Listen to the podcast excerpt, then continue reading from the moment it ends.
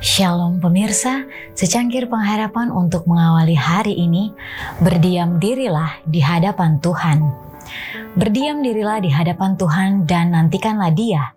Jangan marah karena orang yang berhasil dalam hidupnya, karena orang yang melakukan tipu daya. Mazmur 37 ayat 7 banyak orang, bahkan pada waktu kebaktian, tidak menerima berkat persekutuan yang sejati dengan Allah. Mereka itu terlalu tergesa-gesa dengan langkah yang terburu-buru.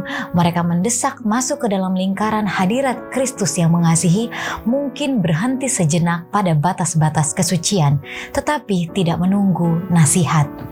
Mereka tidak mempunyai waktu untuk tinggal dengan guru ilahi.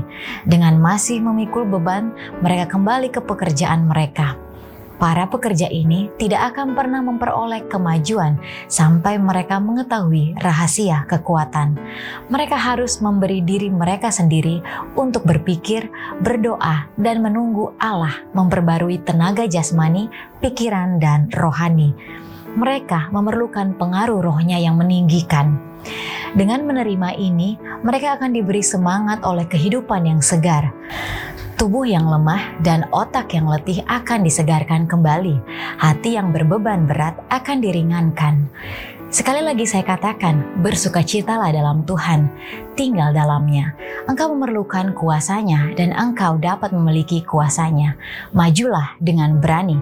Engkau mungkin saja dapat bersalah dalam penilaianmu, namun jangan lepaskan peganganmu dari Yesus. Dialah hikmat itu, dialah terang itu, dialah kuasa itu. Dialah batu karang di padang gurun. Tinggallah dalam naungannya, engkau memerlukan hikmat dan Yesus akan memberikannya kepadamu. Jangan ragu, semakin engkau didesak, disalahpahami, disalahartikan, disalah mengerti, semakin banyak bukti yang engkau miliki bahwa engkau sedang melakukan pekerjaan untuk Tuhan dan semakin erat engkau harus berpegang teguh pada juru selamat. Dalam semua kesulitanmu, bersikaplah tenang dan tidak terganggu. Sabarlah menderita, jangan membalas kejahatan dengan kejahatan, tetapi balaslah kejahatan dengan kebaikan. Lihat ke puncak tangga, Tuhan ada di atasnya. Demikianlah renungan kita hari ini, selalu mulai harimu dengan secangkir pengharapan.